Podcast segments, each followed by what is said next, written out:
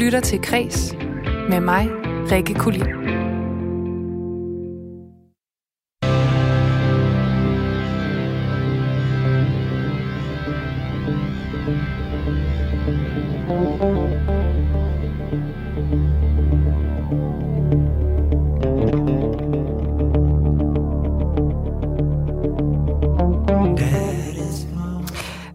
Har klimaet med kunsten at gøre? Er der en sammenhæng mellem vores helbred og mængden af kultur, vi forbruger? Og hvorfor er aktivisme vigtig, når det kommer til kunst og kultur? Det er bare nogle af de spørgsmål, jeg stiller skarpt på i denne uge af Kreds. For selvom folkemødet på Bornholm det blev aflyst, så skal det altså ikke afholde os fra at tage pulsen på aktuelle kulturpolitiske spørgsmål og vigtige snakke om, hvorfor kulturen er vigtig for os som mennesker og samfund.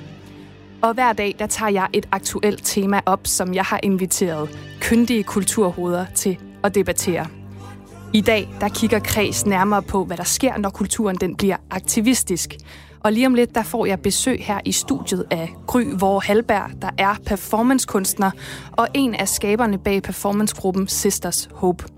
Vi skal tale om feltet mellem kunst og aktivisme, og hvordan de to overlapper hinanden.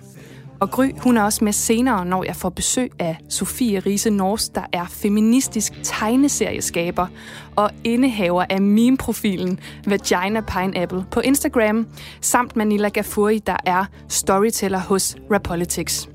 Og jeg kunne godt tænke mig at høre fra dig, der lytter med.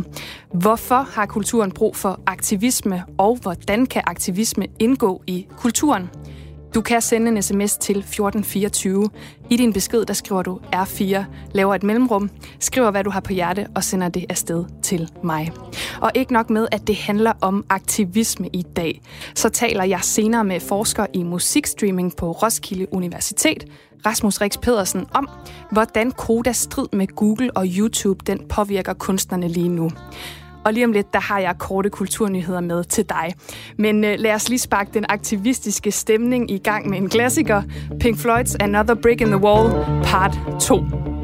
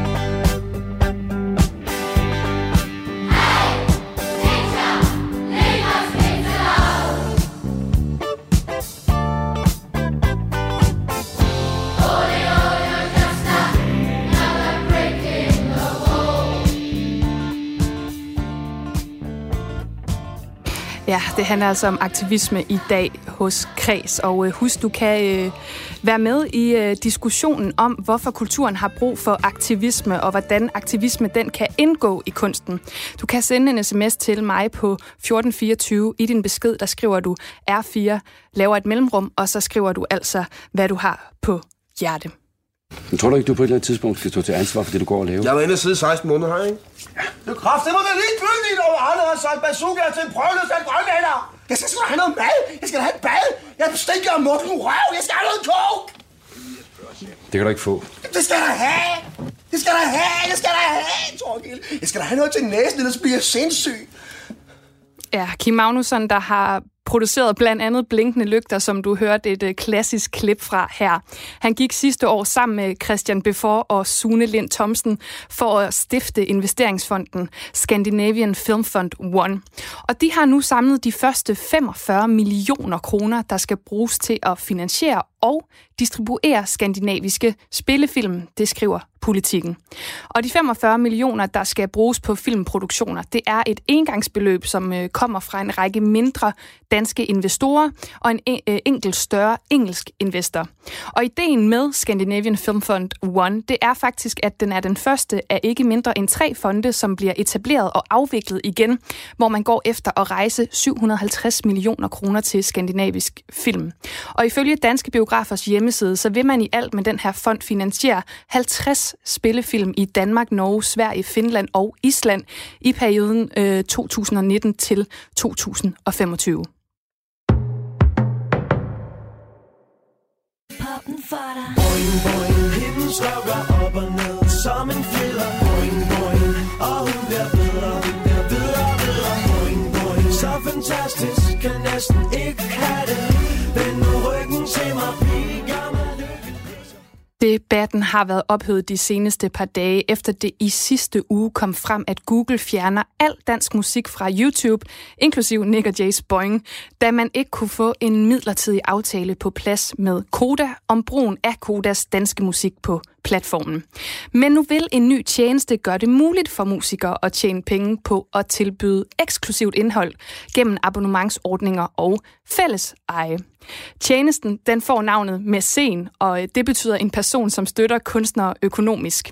Og den er udviklet af DigiDi, der er ejet af mere end 5.000 andelshavere, som distribuerer musik, og det skriver musikmediet GAFA. Og på Mæcens hjemmeside, der beskrives visionen for øh, den her platform som at skabe et sted, hvor de, som skaber indholdet til internettet, faktisk kan få fast betaling for deres arbejde. Og tjenesten den kan sammenlignes med Patreon, hvor øh, fans og brugere de støtter bestemte projekter med et fast månedligt beløb. Og modsat de store streamingtjenester som for eksempel Spotify, hvor kunstners indtjening den afhænger af antal streams, jamen så går pengene her på Mæcen næsten ubeskåret til de kunstnere, man lytter til. Og for at finansiere platformen, så, øh, så betaler man en krone hver måned til platformen per, abonnem, per abonnent som øh, kunstner på platformen. I øjeblikket der er det dog gratis, mens der er forsamlingsforbud. Og jeg synes personligt, det er ret spændende at følge med i udviklingen herhjemme. Jeg har selv som podcaster stået i situationer, hvor de store tjenester, de har øh, spillet med musklerne, og det er svært for små kulturproducenter at klare skærne.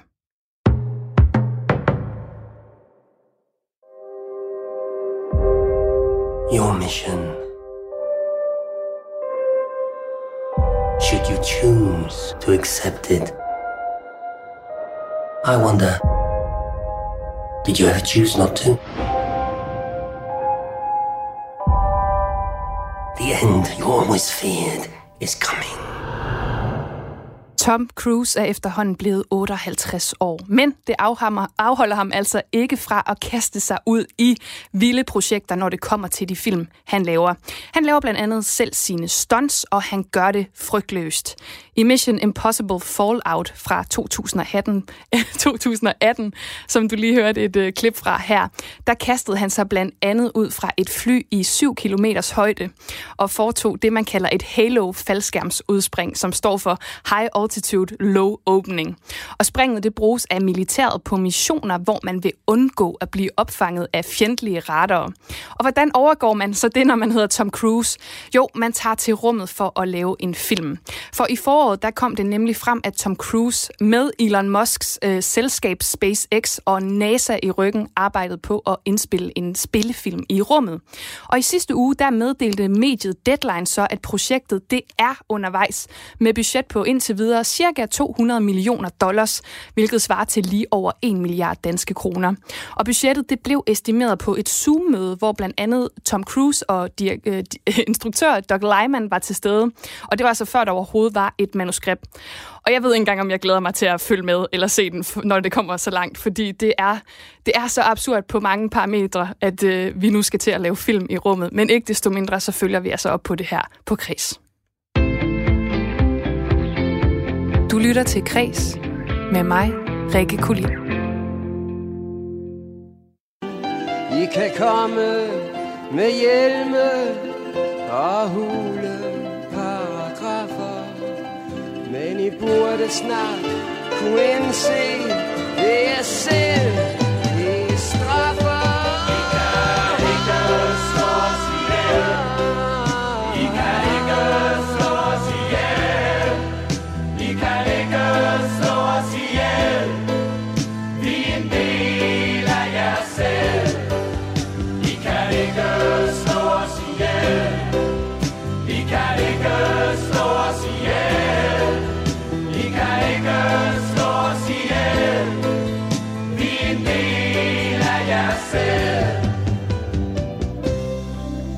Nu skal det handle om dagens tema her på Kreds, nemlig aktivisme og hvordan aktivismen kan være med til at forme kunsten og kulturen, og ikke mindst omvendt.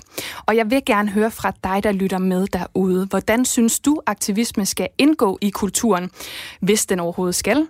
Øh, du kan skrive ind til 1424. I din besked, der skriver du R4, laver et mellemrum og øh, sender den afsted. Og dagens første gæst, som jeg har i studiet nu, hun beskriver sit arbejde som et krydsfelt mellem performancekunst, uddannelsesudvikling, aktivisme og forskning. Og hun er både performancekunstner og i gang med en Ph.D. om sin performancegruppe Sisters Hope. Velkommen til Gry Vore Halberg. Tusind tak. Gry, lad os lige starte med at måske få uddybet lidt. Hvad er Sisters Hope? Jamen, det er jo en øh, performancekunstgruppe, som arbejder med de her, øhm, kan man sige, performative eksperimenter, hvor vi øhm, øh, eksperimenterer med, hvordan forskellige facetter af det, vi kalder et sanseligt samfund, ville se ud. Så det sanselige samfund er en potentiel fremtid i verden, hvor den æstetiske dimension er i centrum, altså den poetiske og sanselige tilgang til verden, er dominerende og i centrum frem for noget perifært, øh, og frem for for eksempel den økonomiske rationalitet, der dominerer i dag. Og så i stedet for bare at tænke denne her fremtid, så afprøver vi den igennem de her performance-eksperimenter. Og du stiftede jo øh, altså faktisk Sisters Hope helt tilbage i 2007 sammen med Anna Lavets. Hvorfor følte I et behov for at stifte Sisters Hope dengang? Ja, og det er jo helt årsagen til, at det hedder Sisters Hope. Det er, fordi Anna og jeg... Øh, eksperimenterede med eller beskrev os selv, eller kropsliggjorde en, en vision om, at vi var de her poetiske tvillingesøstre, der aktiverede det mere sanselige og poetiske i verden. Og som udgangspunkt var det egentlig bare hende og jeg, der sådan gik ud på forskellige gader og stræder, eller, og lavede de her mindre interventioner i gaderummet. Så det handlede meget om at bringe den her tilgang øh, også uden for kunstens rum, eller det vi traditionelt forstår som kunstens rum, øh, ud fra den her intention om at demokratisere det æstetiske. Og det behov, øh, det opstod, fordi altså det opstod i mig i hvert fald, fordi at øh, jeg oplevede, hvor givetigt det var at være nedsunket i kunstens rum, altså som, delt, som deltager, som, som skabende i den her mere sanselige og poetiske tilgang. Jeg så også, at det var et relativt eksklusivt rum. Øhm, så derfor så øh, opstod den her intention om at bringe det ud, øhm, ud i byrummet, øh, ud der, hvor mennesker var, for at vise og åbne adgangen, kan man sige, til det sanselige og poetiske. Og i forhold til det her begreb øh, sanselig læring, som jo er en stor del af din praksis, altså hvis man nu sidder som lytter derude og tænker, åh, det lyder godt nok lidt abstrakt, kan du så prøve at sætte nogle konkrete ord på, hvad indebærer en sanselig læring? Ja, og det er jo fordi, at Anna og jeg startede, øh, helt tilbage da vi startede faktisk, der havde vi fokus på uddannelsessystemet, og vi havde fokus på, hvordan man kunne øh, øh, ja, øh, arbejde med læring gennem det sanselige og poetiske. Øh, og det uddannelsessystemet er jo enormt formativt. Det er der, vi danner os som mennesker. Igennem lang tid, der er de, altså den side af læring blevet totalt nedprioriteret. Øh, så læring, der er baseret på det sanselige og poetiske, det er egentlig bare en form for læring, der tager den måde at være til stede i verden på med ind som et vigtigt læringsparameter. Øhm, og hvordan det tager sig ud i praksis, det tager sig ud på alle mulige forskellige måder, men vi arbejder jo, vi har jo udviklet vores egen performance-metode, hvor det, vi kalder det poetiske selv, er centralt. Og det poetiske selv er egentlig, definerer vi som iboende poetisk potentiale. Øhm, så alle dem, der er med som performer i Sisters Hope, de har et poetisk selv, og de laver egentlig deres undervisning ud fra det. Så det ser ud på mange forskellige måder. Men udgangspunktet er, kan man sige, den kerneinteresse, som hver performer har. Så for eksempel The Well, som betyder brønden, undersøger mørket og dybet, og Untamed undersøger utæmmede strukturer. Så det kan se ud på mange, mange forskellige måder i vores praksis. Jeg ved, at øh, I bruger aktivisme i jeres praksis. Jeg er lidt nysgerrig på, hvordan I definerer den, og om den aktivisme har en form for grænse. Altså, hvordan afgrænser I den? Ja, altså jeg tror, at øh, grunden til, at vi bruger aktivismebegrebet, det er det her med, at vi har den her vision, vi har skrevet det her manifest, Sensuous Society Manifestet, som handler om, at verden kunne være konstrueret helt anderledes. Og det glemmer vi jo tit i vores hverdagsliv, men det nuværende økonomiske paradigme har jo kun domineret et par hundrede år. Før det havde vi det politiske og det religiøse paradigme, så vi kunne så men godt bevæge os over i det æstetiske eller kunstneriske paradigme.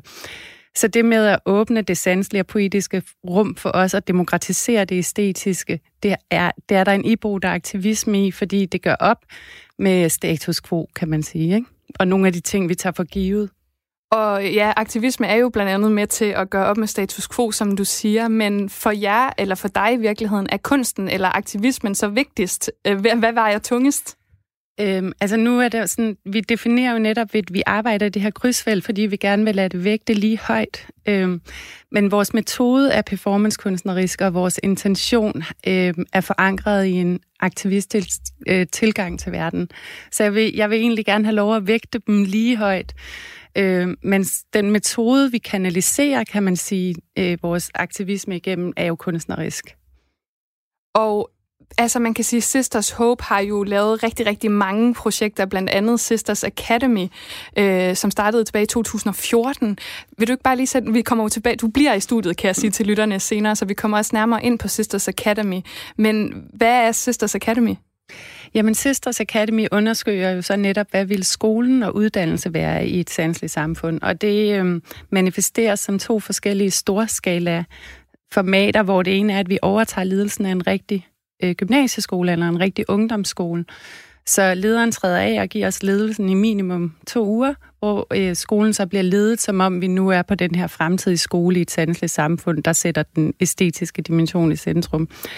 Så matematik øh, er stadigvæk matematik. For, skemaet fortsætter, men matematiklæreren arbejder nu med, hvordan kan jeg undervise i matematik på en sanselig måde, og vi flytter ind og transformerer skolen osv. Øh, scenografisk og gennem lyd og lys, og vi er der performativt til stede.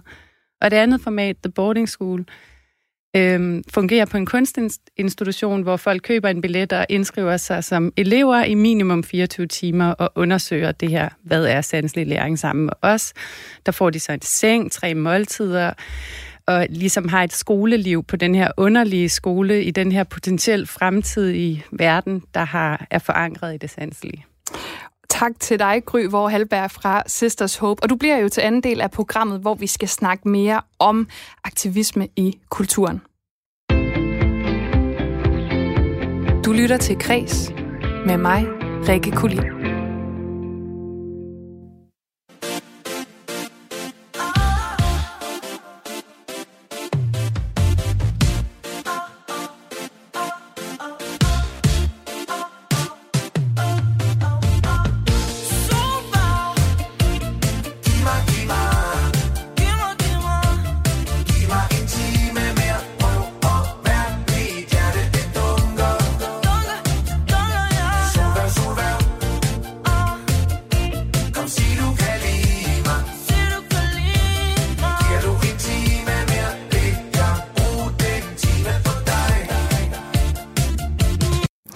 Hvis du vil høre et af sommerens mest streamede numre, nemlig Lord Siva med Solværv, så må du altså finde andre steder end YouTube.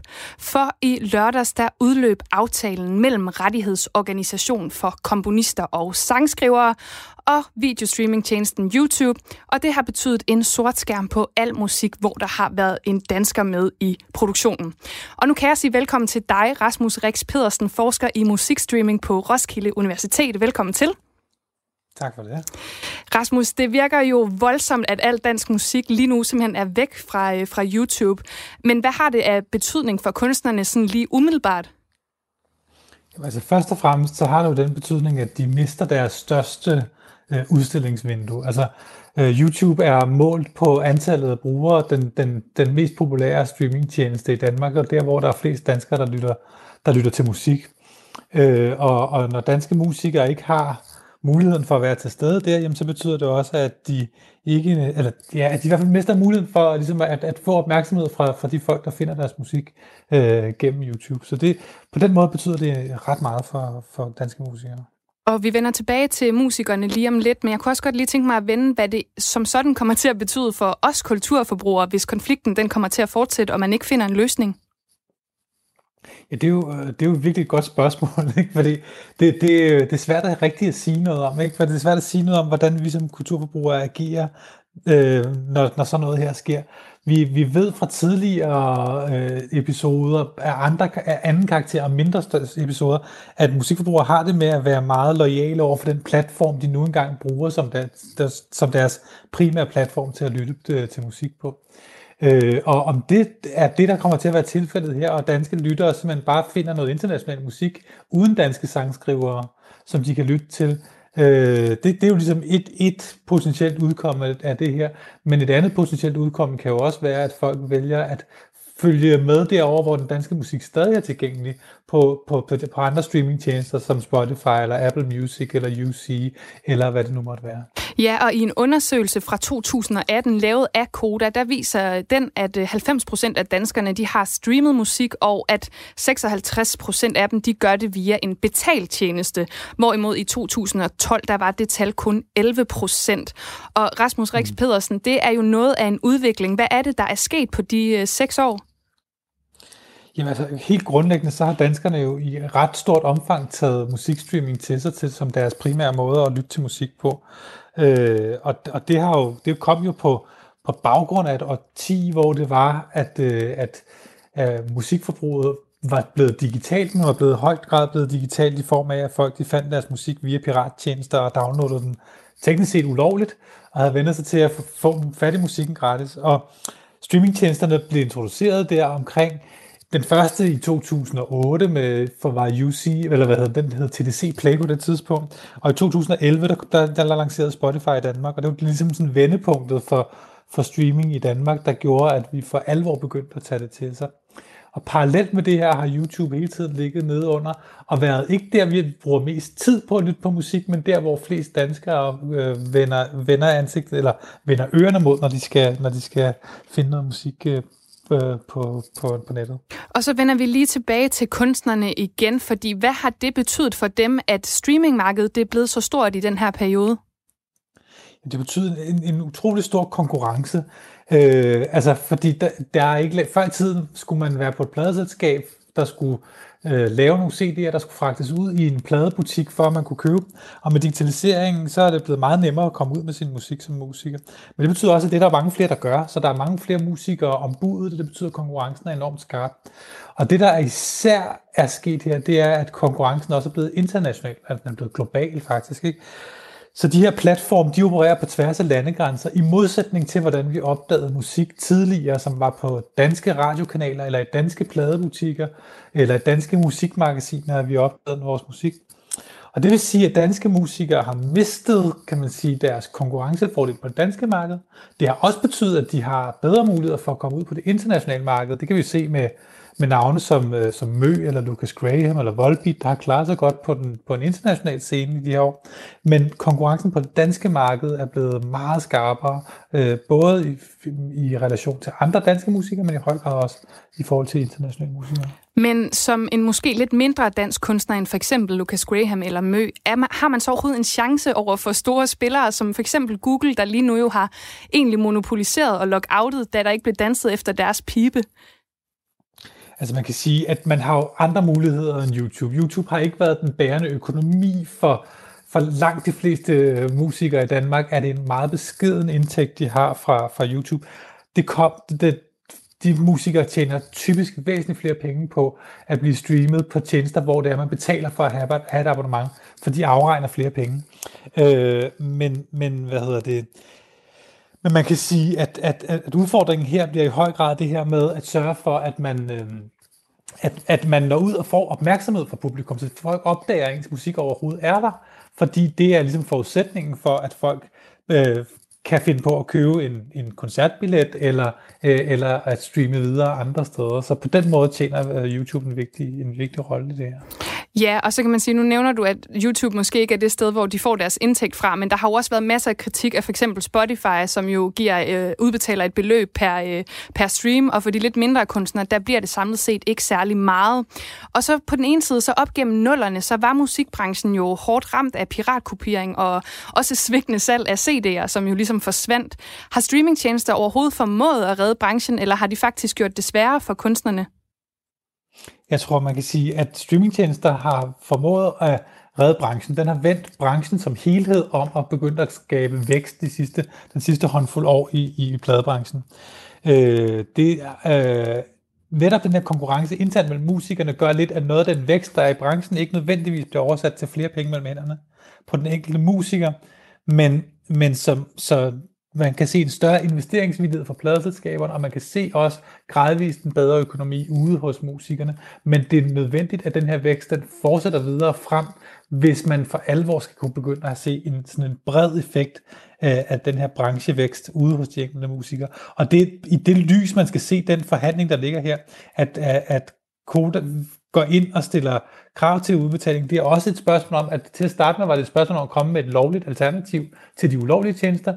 Nu ønsker man fra branchens side og fra musikernes side også i højere grad at, at øge indtjeningen på, på, på, på, hvad hedder det, på de tjenester, der er derude. Og her til sidst, Rasmus Rix Pedersen, så kunne jeg godt lige tænke mig at bare lige høre kort, fordi nu har vi snakket meget om øh, streamingtjenesterne og Google og YouTube. Kunstnernes ansvar i den her udvikling. Er der noget, de kunne have gjort anderledes i løbet af det, det seneste årti i forhold til at sikre sig, at de bliver betalt for, for det kunst og det, de leverer?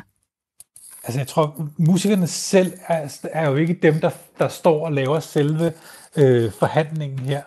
Øh, det, det er sådan, det er, altså de er repræsenteret ved Koda på, på, hvad hedder det, på komponistsiden, øh, og ved pladeselskaberne på, på, på, for dem, der ligesom indspiller musikken og, og fremfører musikken. Øh, hvad hedder det? Så det er på det side, man kan sige, at, at musikerne har hele tiden været opmærksomme på det her med, at, at passe på ikke at give musikken gratis væk, øh, men, men alligevel så, så har de jo også en interesse netop i at sørge for at være synlige. Og det er sådan en balancegang, de hele tiden har måttet måtte prøve at, at balancere det her. Det sagde altså Rasmus Rix Pedersen, musikstreamingforsker på RUK. Tak fordi du var med. Tak for, for tiden. Du lytter til Kres med mig, Rikke Kulin.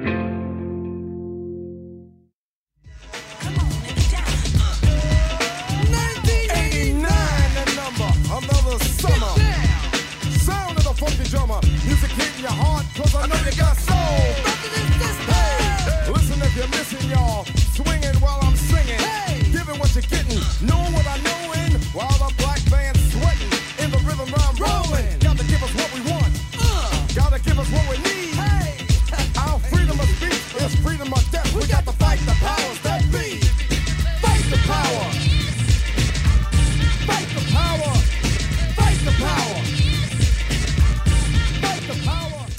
I dag der kigger Kreds nærmere på, hvad der sker, når kulturen den bliver aktivistisk. Og her i anden del af det tema, der skal vi tale om, hvordan man kan bruge aktivisme konkret til at ændre kulturen, og ikke mindst verden omkring os.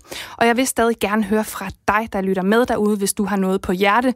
Hvorfor har kulturen brug for aktivisme, og hvordan skal den udforme sig, hvis man kan sige det på den måde? Du kan sende en sms til 1424.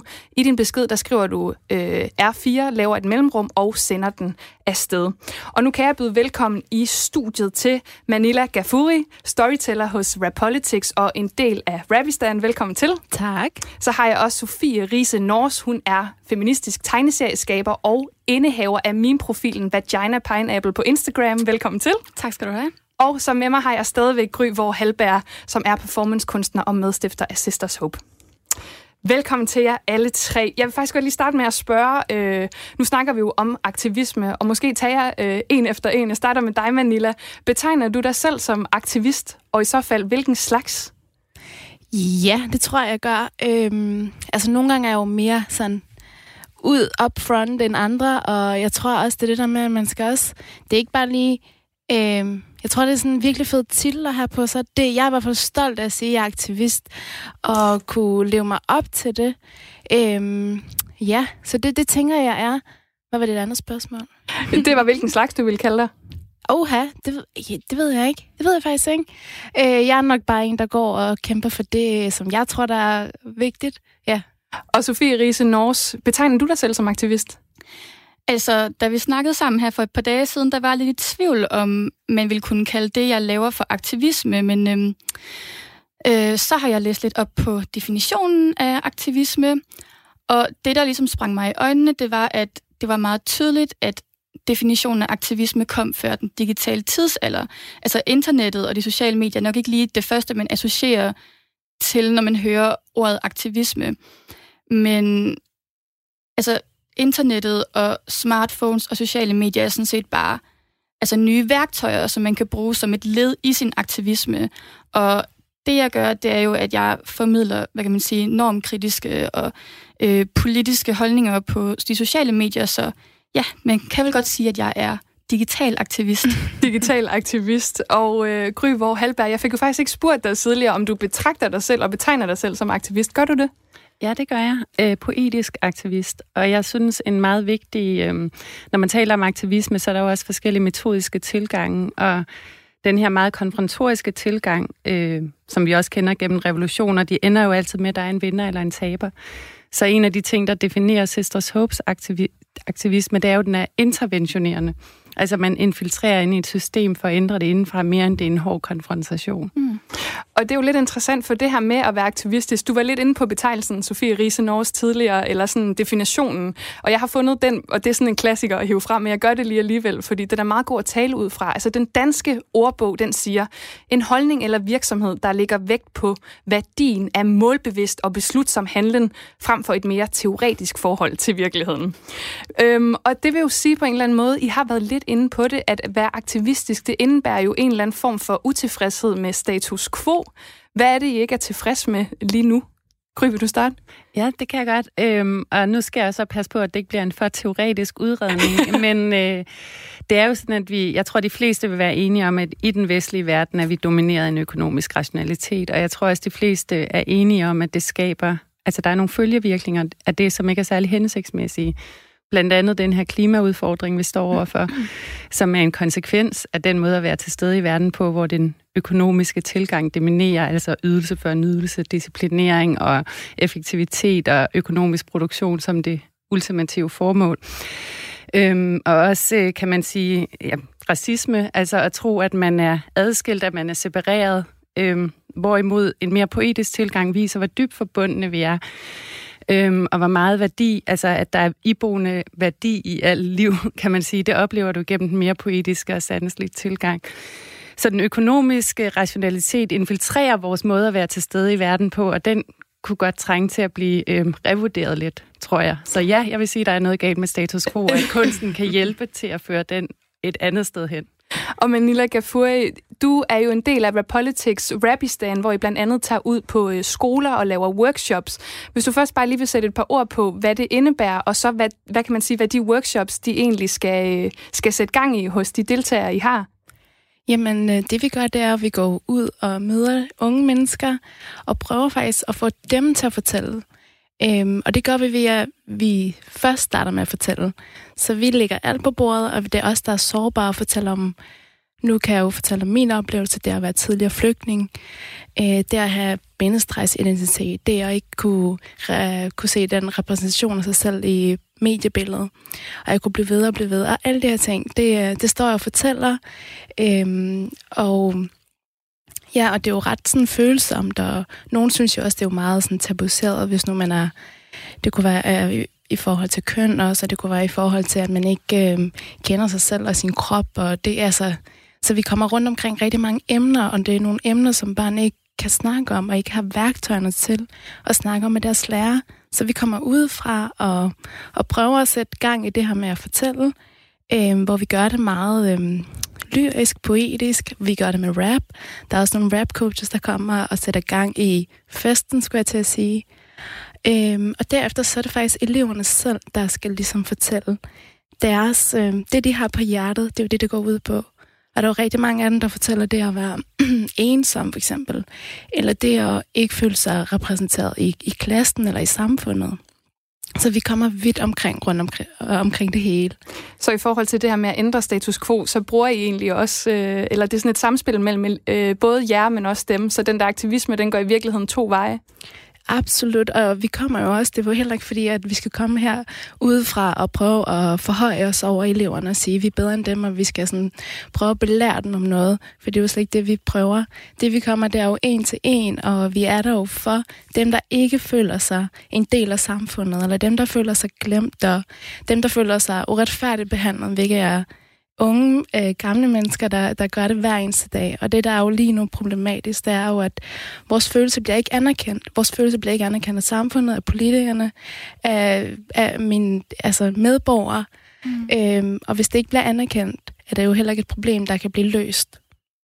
Og det sætter I jo fokus på igennem Rabistan. Vi vender tilbage til det. Men Sofie Riese Nors, jeg kunne også godt lige tænke mig at høre dig i forhold til din meme-profil her, mm. Vagina Pineapple. Hvordan er den med til at rocke ved status quo? Øh, jamen altså, jeg er vel lidt det, man kan kalde for en øh, selvstændig aktivist. Altså i og med, at jeg repræsenterer min egen stemme og min egen politiske holdninger, og så har jeg opbygget denne her øh, platform, hvor jeg ligesom kanaliserer øh, mit eget øh, indhold. Og øhm, ja. Og hvordan er det med til at ændre status quo? Ja, det var det, det var det, der var spørgsmålet. Øh, altså, jeg tror, at øh, altså, digital aktivisme, i hvert fald sådan en form for afsender, som jeg er, øh, måske ikke den form for aktivisme, som øh, øh, altså sådan direkte gå ind og ændre på øh, politik. Altså det kan selvfølgelig have indflydelse på øh, den politiske debat, men det ændrer måske lidt mere ned på det personlige plan. Altså øh, hvordan folk de sådan taler med hinanden om øh, køn og om ulighed og, og ja, og så videre. Og kunne du måske til lytterne, der sidder og tænker, okay, en feministisk, aktivistisk meme-profil, hvordan ser det ud? Uh, kunne du komme med et eksempel på et af dine opslag? Altså, ja, altså til, til alle dem, som ikke lige følger nogen meme-account, så er en meme sådan helt konkret øh, et billede, som er akkompagneret med en tekst, og så har de så et, et samspil, som ligesom øh, formidler et mere eller mindre øh, komplekst budskab. Og øh, det kunne være... Øh, her forleden, der lavede jeg for eksempel en meme, som handlede om catcalling, øhm, og ja, altså, det jeg gør, det er, at jeg sådan tegner enten eksisterende memes, eller så opfinder jeg min egen. Og man kan så se sådan en, en kvinde, som sidder og bare stiger sådan tomt ud i luften, og er sådan rimelig rystet, og så står der, at det her det er mig fem timer efter, jeg er blevet catcallet. Øhm, og så er der sådan en underrubrik, hvor der står, fordi at jeg har øh, internaliseret victim blaming og øh, den idé, at øh, passivitet i en seksuel kontekst også er sådan lighedstegn med, med øh, samtykke. Så på det her tidspunkt, så er jeg faktisk bare sådan, skammer mig over, at jeg er blevet assaulted. Og lige til dem, der ikke ved, hvad catcalling er, så er det, at en, øh, en person bliver råbt efter på gaden, uden at have bedt om det. Det kan fx være på ens øh, udseende, eller hvordan man øh, tager sig ud. Øh, så bare lige så vores mm, lytter yeah. er med på den. Yeah. Øhm, og jeg vender tilbage til sådan det her digitale lige om lidt, som jo adskiller sig måske lidt mere fra det, I to andre gør. Men Gry, hvor Halberg, altså jeg havde der jo inde tidligere, hvor vi snakkede lidt om sådan den her sanslighed, som jo optager, optager dig meget. Hvordan kan sanslig læring være med til at ændre status quo? Øhm, altså, jeg tror, det er meget vigtigt at gå tilbage til det her manifest igen, fordi det, for, det at forestille sig en alternativ verden, at starte med det, i stedet for at sige, om der er de her Nå, men vi, altså meget tit så, men det, det er umuligt at ændre noget, fordi vi er jo nedsunket i den her virkelighed. Så bare det med at starte med at sige, nej, ikke nødvendigvis. Virkeligheden har ændret sig igen og igen og igen, bare hvis man går 2.000 år tilbage, hvilket jo utrolig lidt i planeten Jordens historie. Og, altså, det er jo det der med at sætte tiden og, og rum lidt i perspektiv, og så sige, at tingene har transformeret sig hele tiden. Og lige nu, i den her lille bitte tid, vi er i nu, er vi nedsunket i en økonomisk rationalitet. Og den økonomiske rationalitet har jo så det økonomiske aspekt på den ene side, men siden oplysningstiden har vi også været nedsunket i en forståelse af erkendelse som noget, du oplever rationelt og ikke taktilt og sanseligt. Og der er også det her værdihierarki, hvor, hvor hvis du forstår verden igennem fornuft og rationaliteten, bliver det vægtet højere, end hvis du oplever det gennem din krop og taktilt. Øhm, så bare det, bare det at sige, okay, i kunstens verden, der starter vi faktisk med det taktile og det kropslige og det sanselige. Men kunstens verden er svær at penetrere, den er relativt eksklusiv, så det er ikke sådan, alle mennesker får ondt at agere i den verden. Men hvad ville der ske, hvis alle havde adgang til det rum i sig selv? Så ville vi begynde at være anderledes i verden. Så det der med, at forandringen af verden starter egentlig mellem øh, med, at det enkelte menneske transformerer noget ind i sig selv, eller får adgang til noget andet ind i sig selv, og så begynder at agere anderledes i verden. Så det er sådan den metodiske tilgang, kan man sige, som sanselig læring peger på. Det er, også, det er jo det, øh, et formativt uddannelsesprojekt, hvor man får adgang til en anden måde at være i verden på, og så begynder man at handle anderledes. Og det er jo ret interessant det her med det sanselige, fordi det, det leder mig i hvert fald lidt videre til den her, sådan, det bliver meget tit holdt op mod hinanden, det digitale versus sådan den fysiske formåen, vi har og mulighed for at ændre øh, verden på. Så jeg kunne godt tænke mig at få jeres perspektiver for de to, både over for hinanden, men også i samspil med hinanden. Altså Sofie, Sofie Riese Nors, når, øh, Nors, når, når du for eksempel øh, tegner noget på, øh, på internettet, hvordan er det så med til at sprede ringe, hvad kan man sige, i den fysiske mm. Altså, det som der bliver postet meget på, eller altså, øh, det indhold, som ligesom kommer ud på de sociale medier, er egentlig ikke, fordi det er så sådan forskelligt fra de metoder, der er blevet brugt i aktivisme dengang, altså før den digitale tidsalder. Dengang var det jo som sagt bare flyers og plakater, der var med til at sprede information om ja, politiske holdninger eller fysiske aktioner. Og i dag, der er det sådan set bare til stede online i stedet for. Øhm, så på den måde føler jeg egentlig, at der er den store forskel. Øhm, men til gengæld, så når det er øhm, på for eksempel sociale medier, der er det meget lettere at altså, distribuere information. Øh, det, er ikke sådan, det afhænger ikke af, at der er nogen, der fysisk bærer det videre. Altså, det er kun et klik væk, og øh, for mange så er altså, den digitale øh, tilstedeværelse og den fysiske tilstedeværelse jo øh, meget flydende. Altså også for mig personligt. Øh, og i gamle dage, der altså, fik man sin information fra aviser, og i dag, der er det øh, altså, til rådighed lige ned på din telefon. Og Manila Gafuri, du kommer jo, kommer jo ud til øh, eleverne fysisk og ser dem i øjnene. Man kan sige, det er meget sådan en, øh, en nu er kroppen til stede aktivisme eller, eller læring der. Altså, ikke fordi, at vi siger, at øh, det digitale er dårligt eller noget, men hvorfor er det, at øh, det fungerer at komme ud og se folk i øjnene og, og lave sin aktivisme i virkeligheden? Og det siger jeg virkelig i citationstegn. altså jeg vil sige, det fungerer begge, i begge verdener, men det vi gør, det er jo ikke situationstegn kun øh, ude på skoler. Vi er jo også ude på festivaler. Vi er også ude ved, hvor der er møder, og vi er også ude ved, hvor det bare skulle jeg til at sige, øh, helt altså sådan normale øh, festligheder på en eller anden måde. Men vi er jo ude der, hvor, hvor det sker. Øhm, og det gør vi jo, fordi det her med at fortælle, det har bare en så stor, på en eller anden måde, sådan indflydelse på, øhm, vi prøver at præge den måde, Altså, vi, ikke fordi vi ikke også laver nogle online-kampagner, eller vi ikke også prøver at sprede budskabet på vores Insta eller på vores Facebook-side, for det, det gør vi også. Men for mig personligt, og grunden til, at jeg også er en del af Repolitics, Politics, er jo også, fordi jeg står på en scene, hvor jeg står og fortæller om noget, der er så personligt. Øh, og det er det, jeg prøver at præge.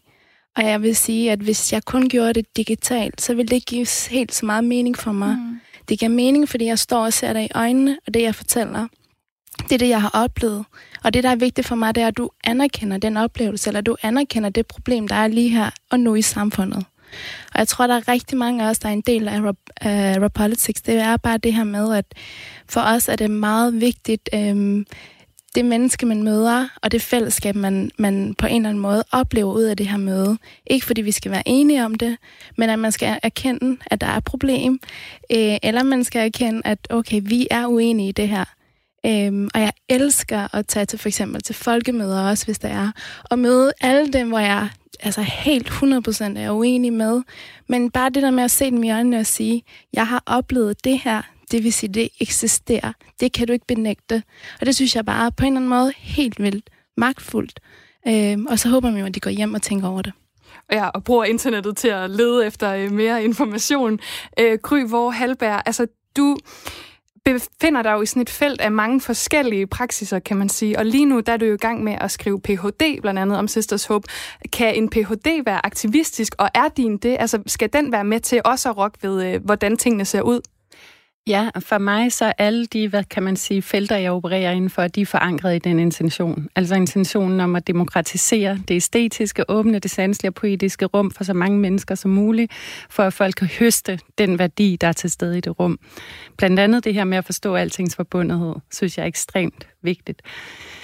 Øhm, så ja, når jeg skriver min Ph.D., så er det også med udgangspunkt i den intention, og det er jo det, der hedder en kunstnerisk forsknings-Ph.D., og i det, der ligger der også, at praksisbegrebet er med. Så det er det her med, at man egentlig studerer en praksis. Øhm, man forsker i sin egen praksis, for også at kunne formidle den og validere den forskningsmæssigt. Så det, der er også en stor styrke i, så det handler lidt om at bruge alle de platforme, der er, synes jeg, til at formidle budskabet, og ikke kun til at formidle det, i vores tilfælde performancekunsten, der lever du du lever dit budskab, i hvert fald når man arbejder immersivt, som vi gør, altså skaber de her totale universer, hvor vi bebor fremtiden.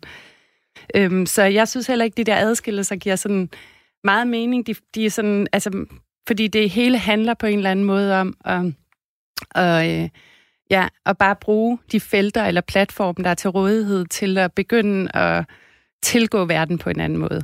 Øhm, og det er så forskellige sager, kan man sige, der bringes mm. på banen. Vores er at aktivere det sanselige og poetiske, som jeg mener vil styrke en masse af begge af de andre felter, der bliver talt om her. Altså både kvinders vilkår og, og den øh, diskrimination og racisme, som også er iboende i vores samfund. Øh, så ja, øh, alle de felter, jeg opererer inden for, er forankret i den samme intention. Og altså, vi skal jo ikke igen, fordi I har fuldstændig ret i det her med, at de felterne jo også overlapper hinanden, og de flyder sammen, så man kan ikke bare sætte det digitale over for det fysiske. Og det kan man heller ikke med det spørgsmål, jeg vil stille jer nu, ligesom sige, jamen svaret er det her. Men jeg kunne alligevel godt tænke mig sådan at høre jeres erfaringer i forhold til øh, folks reaktioner på det arbejde, I har lavet. Altså, Øhm, jeg hader sådan, det bliver meget kapitalistisk orienteret, når man siger, fortæl mig om jeres resultater. Men Sofie Riese Nors, hvis du måske øh, kunne fortælle lidt om, hvad er det for nogle øh, reaktioner, du fra, får fra, øh, fra folk? Hvad er det, du oplever, at de tager med sig?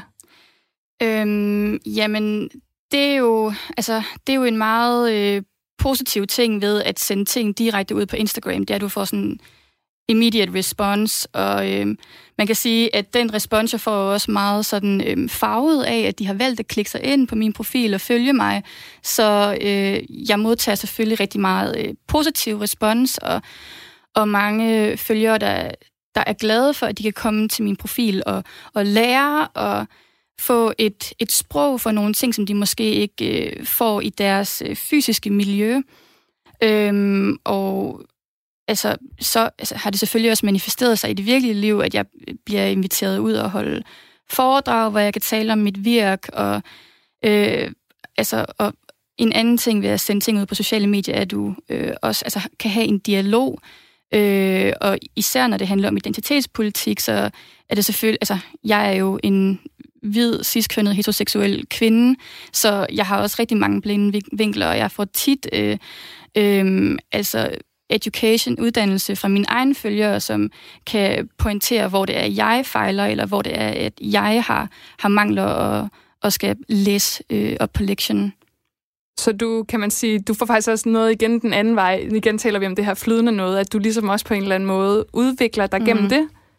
Ja, det gør jeg. Altså, altså det, det er en meget sådan dynamisk måde at gå, gå, gå til andre personer og være til stede på de sociale medier, fordi der er altid nogen, der er online, der er altid nogen, der har øh, en, en bemærkning, og øh, det er jo, altså jeg føler, at jeg er med til at skabe et rum, hvor vi kan også altså, dele ting, der er altså, svære at tale højt om øh, ude i det virkelige liv. Altså, øh, det kan være lettere, øh, især altså, når, jeg, når jeg sender noget ud, der handler om øh, at blive ydmyg i offentligheden, som for eksempel, hvis der er nogen, der råber øh, nogle seksualiserende ting efter dig på gaden, øh, så kan det jo godt virke terapeutisk at se det her i din, i din feed på de sociale medier, fordi at du bliver øh, altså valideret i din vrede og øh, i dine frustrationer, og, og, og det føler dig mindre alene. Ja. Og Manila Gafuri, når I er ude og holde de her workshops, så, øh, så regner jeg også med, eller jeg kunne forestille mig, at der også er en reaktion fra øh, de børn og unge, I møder. Har du lyst til at sætte nogle ord på den, og så måske også, hvad deres, hvad kan man sige, øhm, reaktion, det giver dig tilbage? Jamen, når vi går ud og holder oplæg, øh, når vi har de her workshops, så vil jeg sige, det, det starter jo med, at eleverne er meget øh, stille. De, de tør ikke så meget, og oha, og der er også nogen, der tænker, nå, det der med rap, ja, ja, det kan jeg også. Så de prøver at spille lidt seje, men når vi så går på banen, og der, når det hele sker, øh, lige pludselig så bliver det her rum fyldt med historier fyldt med historier, hvor de kan genkende sig selv i hinanden, og hvor de kan anerkende øh, hinanden, og lære på en eller anden måde, ikke at det skal lyde sådan nedladende, men vågner op og tænker, nå, er det sådan en klasse, det er? Det synes jeg er enormt fedt. Så for det første, det der med, at de på en eller anden måde, det fællesskab, de får ud af det her, øh, med hinanden. Og noget andet er også, at hvis jeg kommer som en øh, minoritetskvinde, eller hvis jeg kommer som en muslim, eller hvis jeg kommer som en tidligere flygtning, så har jeg jo også alle de her øh, titler på mig. Og det giver på en eller anden måde med til, øh, jeg vil sige, jeg, jeg giver også håb for de kvinder, der er der i rummet, men jeg tror også, jeg bryder også nogle af de fordomme, der også er i det rum om mig. Øh, fordi det, det har man, man har fordomme om hinanden. Så jeg vil sige, der bliver både skabt håb, men også, man nedbryder også nogle barriere og, øh, og kommer tættere på hinanden. Og jeg, nu lyder det bare så altså, himmelsk og så sødt, ikke? Men det er det. Ja. Og jeg vil sige, det fedeste er også, øh, for to år siden var vi på folkemødet, hvor vi... Øh, vi holdt oplæg øh, Øh, ja, om minoritet, øh, og, og det og om der fandtes overhovedet racisme i Danmark. Og, øh, og der kan jeg huske, at øh, der stod jeg over for en, en politiker, og det fede var jo det der med, at han ikke anerkendte øh, min virkelighed. Øh, og, og det er også nogle ting, jeg synes, der er fedt ved det her, det er, at du også møder modstand, altså direkte, hvor de ikke kan anerkende dig som person. Og den magt, jeg får, det er at sige og stå og, og faktisk øh, sige noget igen. Altså prøve at forsvare mig selv og prøve at være kritisk, for det har jeg aldrig tur før. For jeg har altid tænkt som tidligere flygtning i Danmark, at jeg skal være taknemmelig, og jeg har fået så meget, og hele livet skal jeg bare være taknemmelig. Men det har givet mig mod på at ændre noget. Ikke fordi jeg ikke er glad for at være her, men det kan altid blive bedre. Mm. Og det, det er også noget af det, jeg får, det er, at det er okay at sige fra. Det er det. Jeg er meget, meget enig. Det er rigtig inspirerende at lytte til jer alle sammen, og vi har ikke så meget tid tilbage. Men jeg vil også lige spørge dig, Gry, hvor Halberg, fordi det er jo en performancekunst, hvor, hvad kan man sige, for eksempel Sisters Academy, der har folk jo også mulighed for at påvirke, øh, og I har mulighed for, altså alle er ligesom indgår i det her rum. Hvad er det for nogle, hvad kan man sige, Øh, ja, øh, ikke resultater. Jeg bliver ved med at sådan tænke kapitalistorienteret nærmest. Men hvad er det, I oplever af feedback? Altså, hvad er det, folk får ud af det? Ja, vi får jo utrolig stærk respons faktisk fra dem, der deltager, og det bekræfter mig i, at der er sådan en kollektiv længsel efter at være til stede i verden på en anden måde, og at det her rum, det ikke er tilgængeligt i hverdagslivet. Så øhm, ja, stærk reaktion. Øhm, både folk, der skriver uopfordret, når de har været med. Hvordan kan jeg opleve det her igen? Hvordan kan jeg komme ind i det der rum? Og det har jo gjort, at vi har en stor intention om at skabe en permanent platform, øh, og ikke bare lave de her momentære eksperimenter, for der er virkelig brug for det. Der er virkelig brug for det, og jeg tror, det kan være med til at pege verden i en anden retning. Og her til sidst ultra kort, Sofie Riese Nors. Øhm, nu har, du, har, du ligger jo nemlig sådan i det her felt mellem den fysiske og digitale verden især. Hvordan er det, man kan bruge sin øh, online-aktivisme konkret til at gå ud og så gøre noget i, i verden? Øhm, altså helt konkret, nogle af de ting, øh, jeg har gjort for nyligt, har blandt andet, altså nu bliver det meget sådan, øh, det bliver meget konkret nu. Øhm, altså dele, øhm, altså opfordre sine følgere til at skrive under på borgerforslag, øh, dele øh, informationer om, om fysiske aktioner. Altså øh, for eksempel, der er Nørrebro Pride her øh, en af de kommende uger. øh, den 22 okay, jeg, jeg vil ikke dele øh, forkert information. Er det den 22. august? Okay, det, det må I lige selv øh, øh læse op på derude. ja, men man skal selv følge med. Ja, øhm, og man kan øhm, ja, dele øh, artikler, være med til, til at sådan, øh, forstærke hinandens stemmer. Øhm, ja. Masser af gode forslag, og jeg vil sige tak til jer alle tre. Gry Vore Halberg, Manila Gafuri og Sofie Riese Nors. Selv og, tak. selv tak. Og i morgen der skal det handle om kultur og sundhed her på Kreds, hvor du blandt andet kan høre om, hvorfor det kan være en god idé at spille musik på hospitaler. Lige om lidt, der er der Krimiland her på Radio 4 med Anders Christiansen. Og øh, inden da, der skal du altså lige høre nyheder. Jeg vil sige tak for nu, og jeg er tilbage igen i morgen klokken 17 her på Radio 4.